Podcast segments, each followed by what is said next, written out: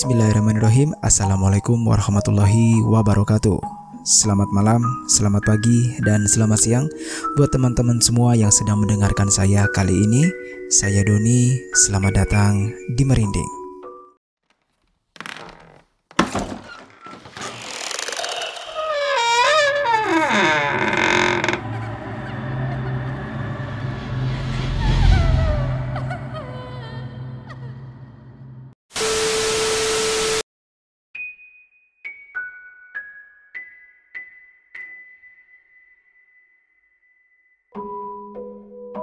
Sepertinya sudah lama sekali saya tidak membacakan cerita horor lagi ya kepada teman-teman. Jadi saya pikir untuk episode kali ini, oke okay lah saya akan bacakan lagi satu cerita horor yang sebenarnya ketika saya merekam ini saya baru saja membacanya dan akhirnya wah kayaknya tertarik nih buat e, dibawakan atau diceritakan kembali. Oke, okay, tapi sebelumnya seperti biasa, sebelum saya menceritakan kisah kali ini dan kalian mendengarkan, um, alangkah baiknya jika kita berdoa terlebih dahulu untuk meminta perlindungan Allah Subhanahu wa taala dari gangguan makhluk yang kasat mata maupun yang tak kasat mata. Berdoa dimulai.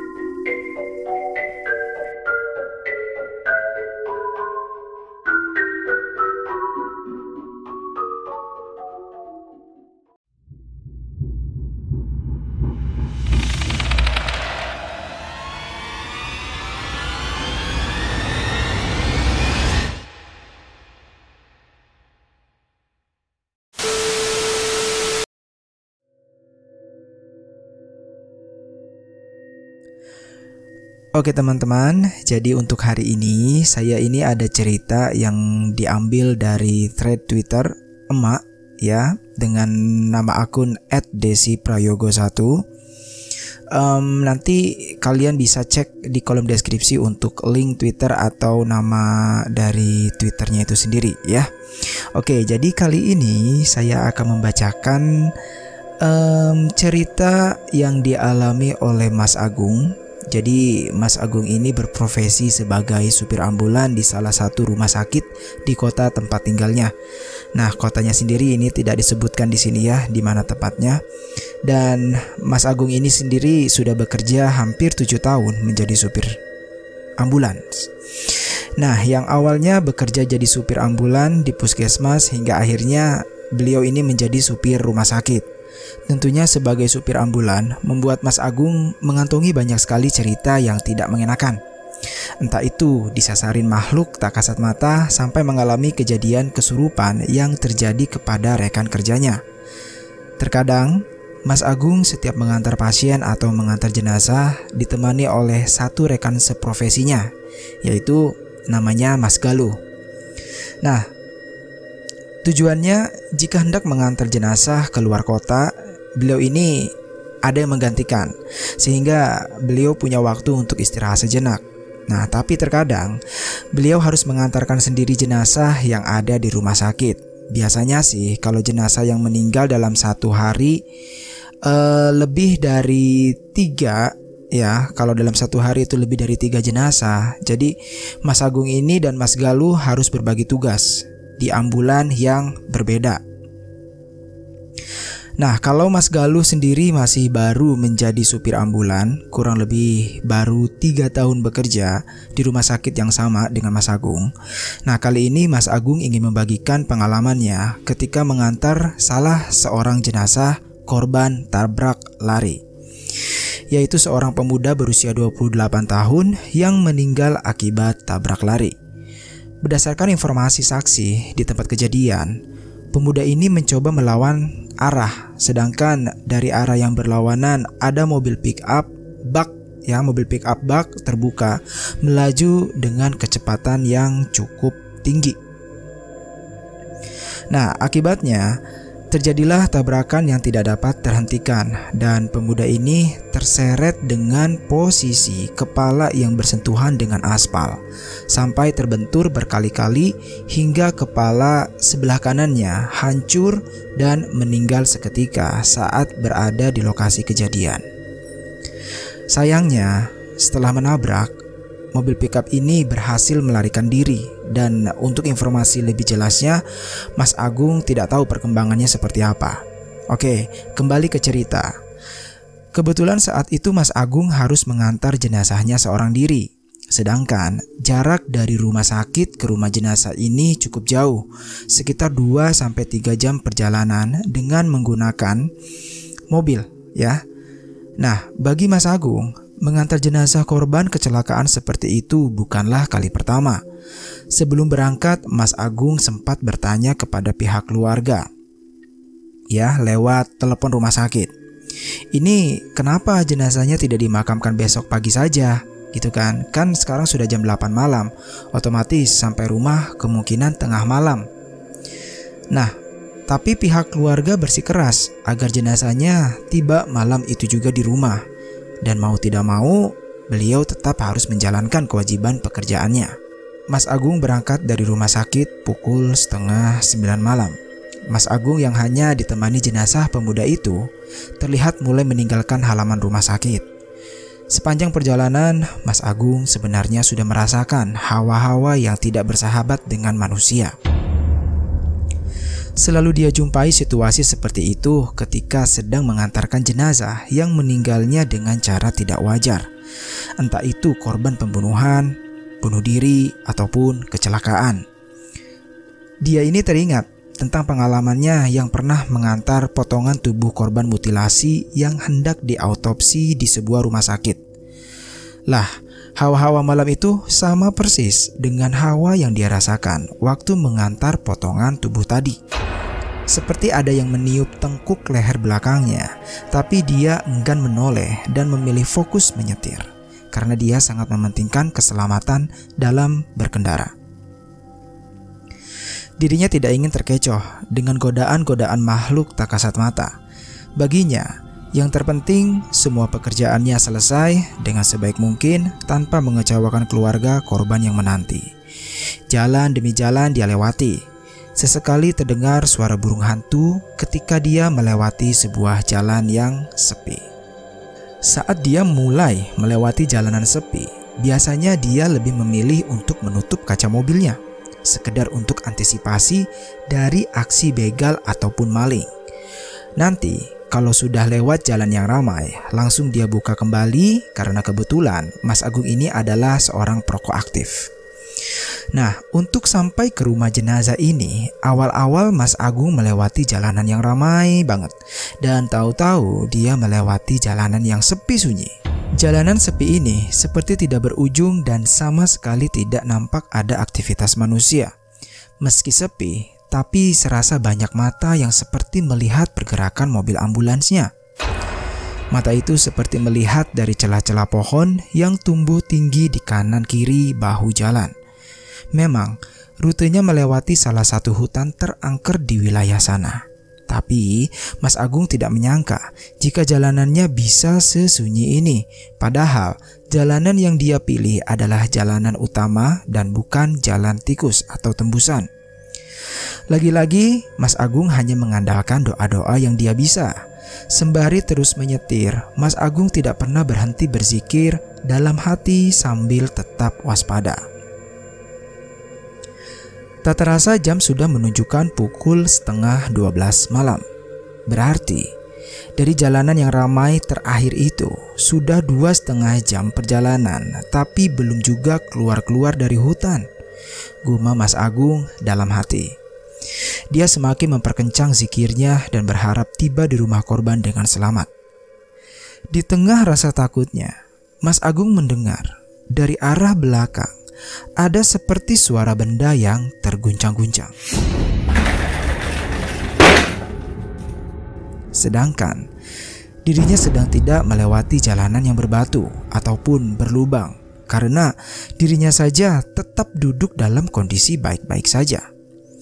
Mas Agung pun memilih menepi di pinggir jalan untuk melihat apa yang sebenarnya terjadi di belakang.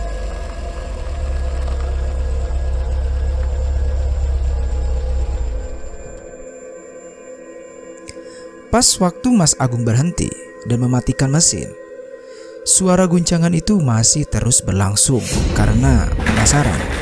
Dia pun mulai mengintip dari skat kaca antara ruang kemudi dan area belakang. Di situ, Mas Agung mendapati bahwa keranda mayat yang dia bawa terguncang-guncang cukup hebat. Tapi sama sekali tidak ada yang menggerakkan.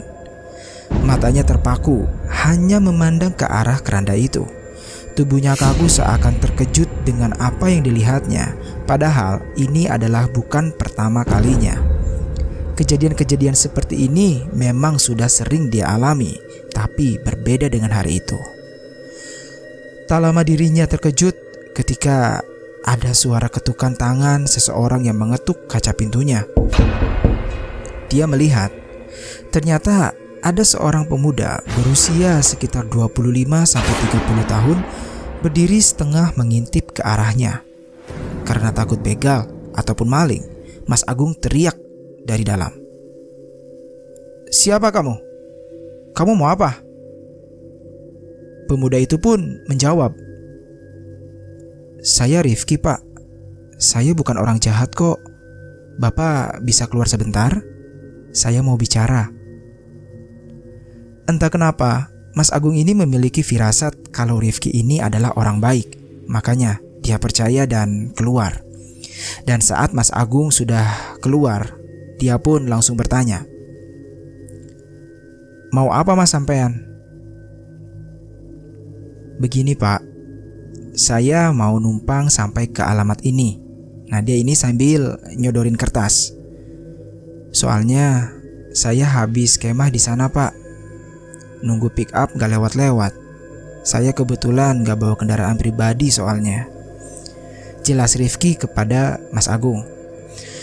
Nah, karena merasa kasihan, Mas Agung pun bersedia. Tapi sebelum itu, berjaga-jaga dia memeriksa Rifki terlebih dahulu dari ujung rambut sampai kaki.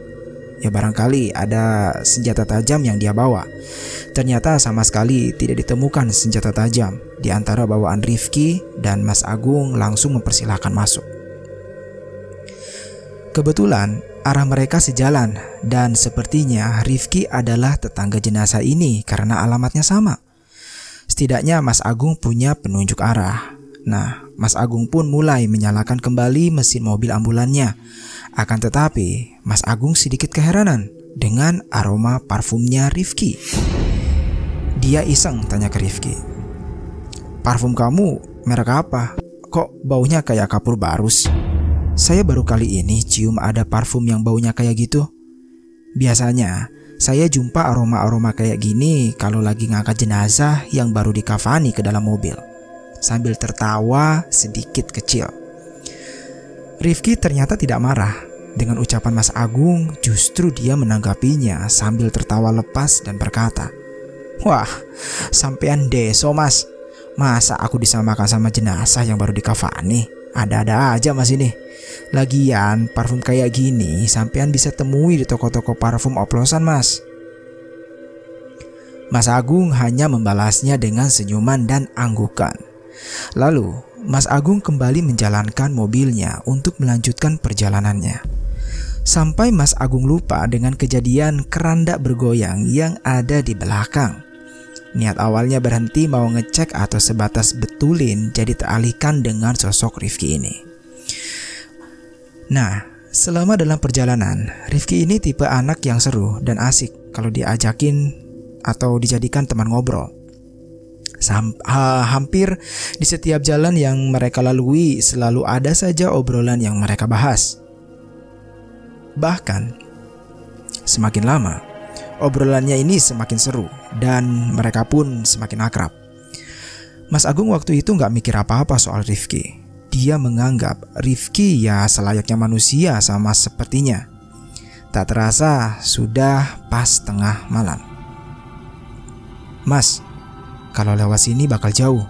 Gimana kalau coba lewat kiri? Pasti langsung ketemu jalan raya ke arah desa D. Ucap Rifki sambil menunjuk arah untuk memberitahu Mas Agung. Mas Agung lalu menjawab, Kamu yakin Rif? Rifki hanya mengangguk dan tersenyum. Dan Rifki ini kalau dilihat dia ini memiliki senyuman yang khas Ya, dia punya lesung pipi tapi cuman di pipi sebelah kiri. Ya kayak cowok-cowok idaman cewek-cewek ditambah anaknya ini memang santun banget. Kata Mas Agung ya. Oke, lanjut. Um, kemudian Mas Agung ini coba dia ikuti saran dari Rifki dan benar. 10 menit kemudian mereka ternyata sudah tiba di jalan raya utama yang kalau maju dikit sudah mulai memasuki kawasan desa D. Desa rumah keluarga jenazah itu dan desa tempat tinggal Rifki. Ketika sudah dipastikan Mas Agung benar-benar berada di desa tersebut, Mas Agung langsung mencoba menghubungi keluarga korban. Karena Mas Agung tidak tahu rumahnya di mana dan minta dijemput di depan jalan masuk ke desa itu. Tidak selang lama, ada dua orang pemuda yang menghampiri mobil ambulan Mas Agung.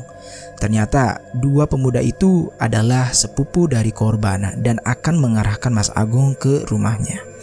Akhirnya Mas Agung mengikuti arah motor itu dari belakang.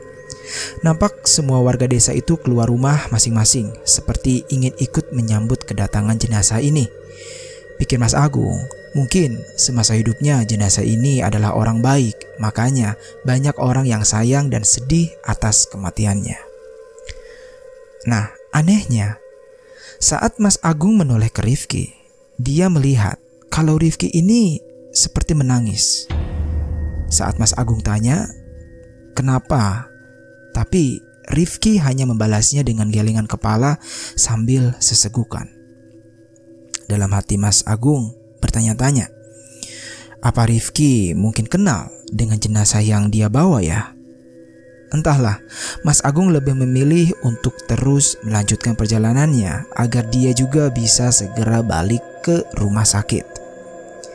Tidak butuh waktu lama, Mas Agung sudah tiba di rumah keluarga korban. Di sana ternyata sudah dipersiapkan segala sesuatunya dan rumahnya nampak terang sekali. Ada banyak pelayat juga di sana dan mungkin beberapa anggota keluarga dari korban. Nah, terus Mas Agung memberi isyarat kepada keluarga korban untuk langsung saja mengambil jenazahnya di belakang sambil dia tekan tombol buka dari depan agar pintunya terbuka. Pas dia turun, Mas Agung ini bilang ke Rifki, "Kamu tunggu di sini dulu ya. Nanti tak antar ke rumahmu, terus aku balik ke rumah sakit." Dan Rifki hanya tersenyum lalu berkata, Mas, terima kasih banyak ya. Mas Agung hanya membalas dengan kata, Iyo, bodoh-bodoh Rif. Lalu Mas Agung pun turun dari ambulan. Belum sempat kakinya menginjak tanah. Dari belakang, dia mendengar salah satu bapak-bapak yang hendak mengambil jenazahnya ini teriak. Lah, Jenazahnya mana? Kok nggak ada ini? Mendengar itu, Mas Agung kaget dan buru-buru turun menghampiri bapak-bapak itu, meninggalkan Rifki yang masih ada di dalam mobil ambulan.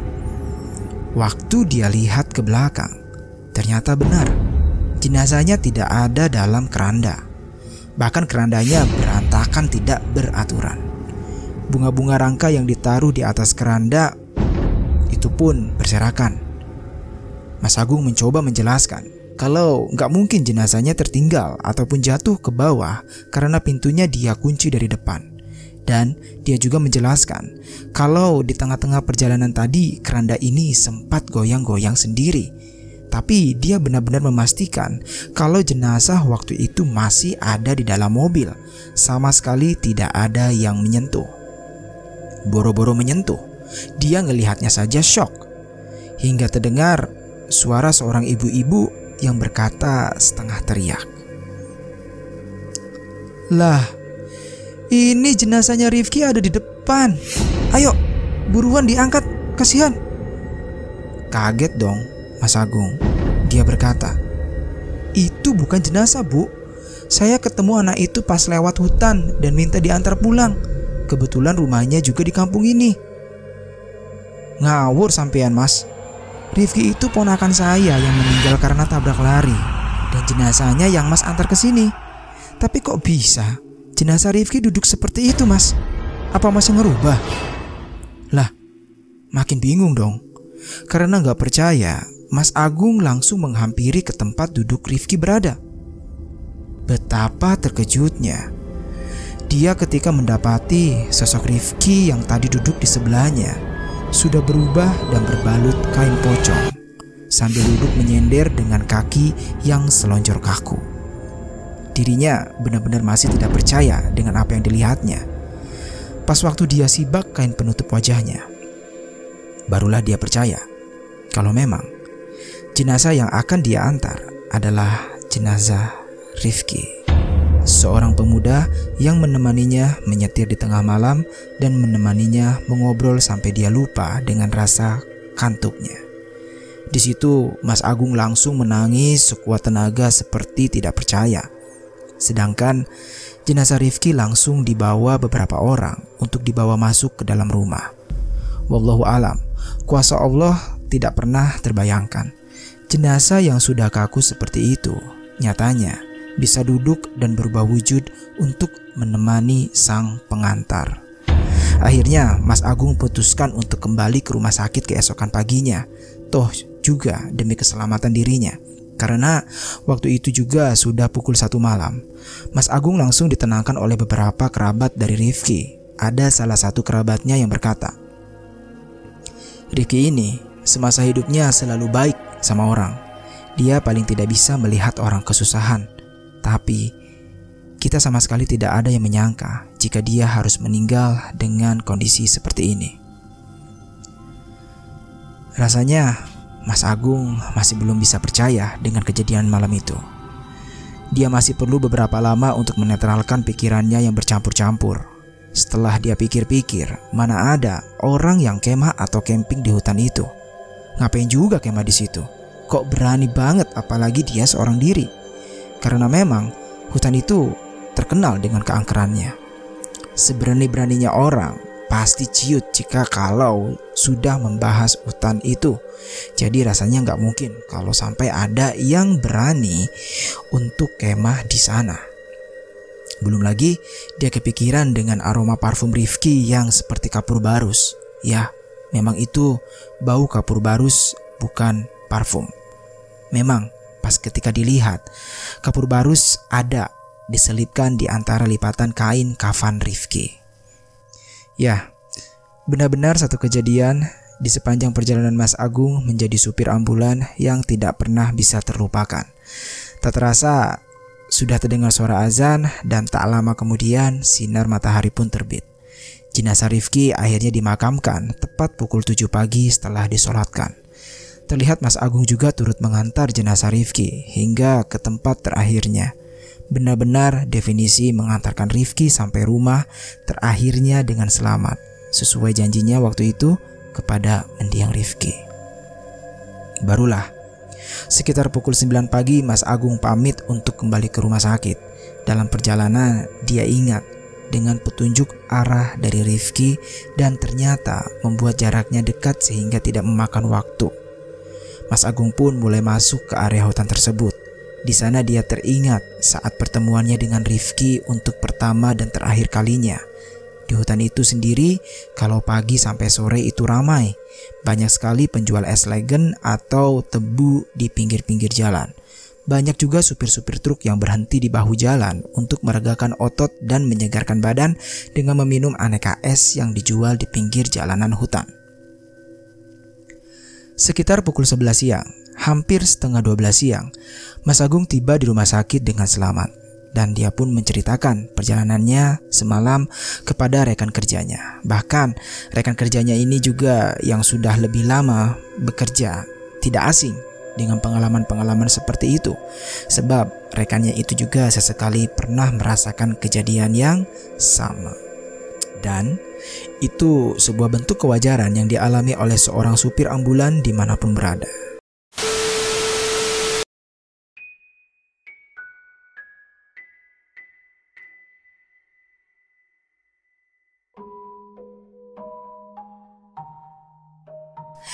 Itulah cerita untuk episode kali ini tentang pengalaman Mas Agung sebagai supir ambulan. Kalau saya berada di posisi Mas Agung saat itu, pasti um, merasakan perasaan yang campur aduk sih.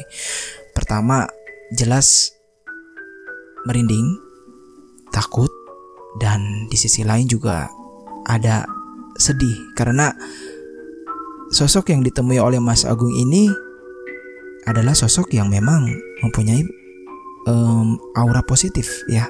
Energinya ini positif ya karena seperti yang tadi dijelaskan oleh kerabatnya Rifki almarhum Rifki ini bahwa Rifki ini ke, uh, semasa hidupnya dia memang adalah anak yang baik ya anak yang tidak bisa melihat uh, orang lain dalam keadaan kesusahan sampai pada saat meninggalnya pun dia masih tidak tega melihat supir yang akan mengantarkan jenazahnya ini eh, kehilangan arah atau tersesat ketika menuju ke rumahnya. Wow. Oke lah teman-teman, itu untuk cerita episode kali ini. Semoga ceritanya bisa menghibur uh, kalian semua dan semoga almarhum yang kita ceritakan hari ini semoga amal dan ibadahnya bisa diterima oleh Allah Subhanahu wa taala. Oke teman-teman, terima kasih banyak telah mendengarkan merinding episode kali ini. Semoga kalian bisa terhibur dan tentu saja silahkan kalian ambil nilai positif dari semua cerita yang ada di cerita merinding. Dan akhir kata saya ucapkan bila taufiq wal hidayah. Wassalamualaikum warahmatullahi wabarakatuh.